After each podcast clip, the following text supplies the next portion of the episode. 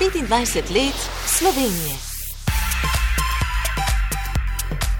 Ime mi je Jaka Smrkol in sem dijak gimnazije Vič, star sem 18 let. Ukvarjam se predvsem s pisanjem in sicer pišem uh, za medgimnazijsko revijo Novi Dijak, ki združuje trenutno pet ljubljanskih gimnazij. Pišem tudi literarne recenzije, pa gledališke recenzije, tako da to je nekako poglavitna dejavnost, s katero se ukvarjam. No. Društvo Novi Dijak združuje srednješolce petih ljubljanskih gimnazij, ki si na tak način zagotavljajo svobodo izražanja. Na nek način, da bi se izognili cenzuri, ki jo ponavadi upeljujejo šolski časopisi, da bi lahko pisali o stvarih, ki jih res zanimajo, brez nekega filtriranja svojih misli, da bi res omogočili dati mladim nek svoj glas. Izdajamo tiskano revijo, imamo tudi blog, pa predvsem se ukvarjamo tudi s tem, da organiziramo čim več različnih dogodkov, od literarnih večerov, filmskih večerov, raznih pogovorov. Delamo vsi za ston in je pač novi dijak neprofitno društvo, tako da se nekako zanašamo na dobro voljo dijakov. V resnici bistvo je pa ravno to, da imajo dijaki možnost izraziti svoje mnenje, res lahko pišejo o čemer koli želijo, kar jih zanima. Pa vel, zelo velik pomen tudi, da to izide v neki tiskani reviji. To je nekako ideja, za katero stojimo, pa ki upamo, da se bo nadaljevala. 25. Ko mladi začutijo potrebo po glasnem izražanju svojega mnenja, kam se lahko obrnejo? Zdaj, kar se tiče medijev, je to nekako dvorezen meč. Se mi zdi, da vsi nekako omogočajo tudi mladim, da pristopajo k temu, eh, da pač se piše, eh, ampak ko govorimo o bolj uveljavljenih medijih, je to zelo velikrat neka pač propagandna gesta. Ne? Zato, da si oni mal nabildajo ime s tem, da mi pa sodelujemo z mladimi, mi smo pa pač tudi, tudi, tudi za mlade poslušni. Ampak da bi pa prav bilo tako, mi pa zdaj omogočali, da vi pišete, pa da vi izražate svoje mnenje, pa bolj redko. No? Ker tudi naše mnenje je težko zelo legitimno, saj pač v resnici bolj malo stvari. To poglobljeno vemo, da bi lahko kaj zelo utemeljeno povedali. Čutim 25.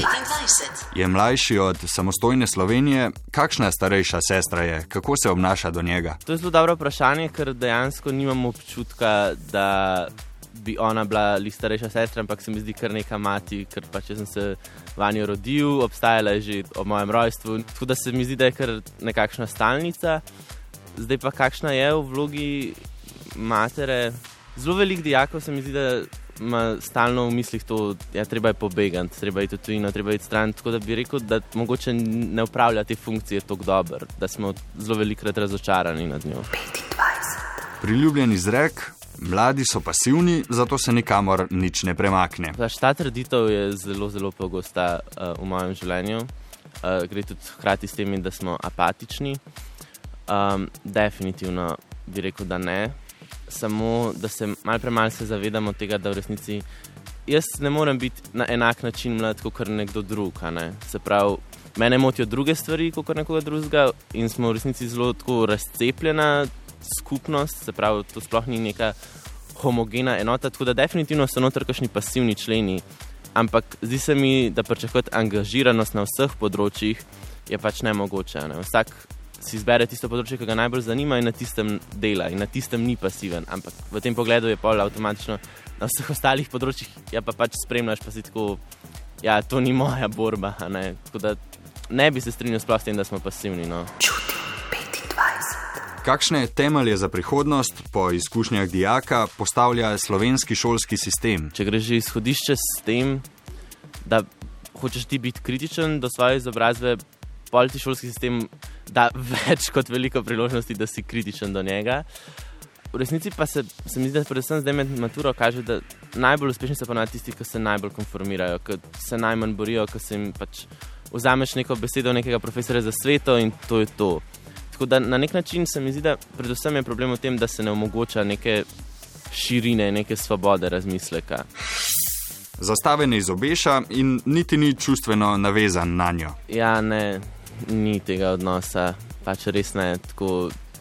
Meni se zdi, da gre tu z roko roki s tem, da v resnici tudi nimaš odnosa do države. Da se ti zdi, da je pač to nekaj samoumevnega, nekaj, kar je že vedno tukaj, pa nekaj, nad čemer si zelo pogosto razočaran. In pol tudi simbol, ki v resnici predstavlja državo, ti ne more neki velik pomen. Ker si tako.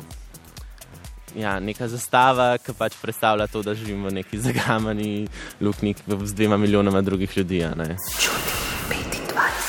Kaj slovenska družba sporoča s tem, ko se ne zauzame množično za pravice mladih? Jo, jaz ne vem, če bi si upal izrekati kakšno resno sodbo o slovenski družbi, ampak se mi zdi, da to kaže predvsem na to zelo visoko stopnjo neke zaprtosti, neke pač tako vsak naj se briga zase.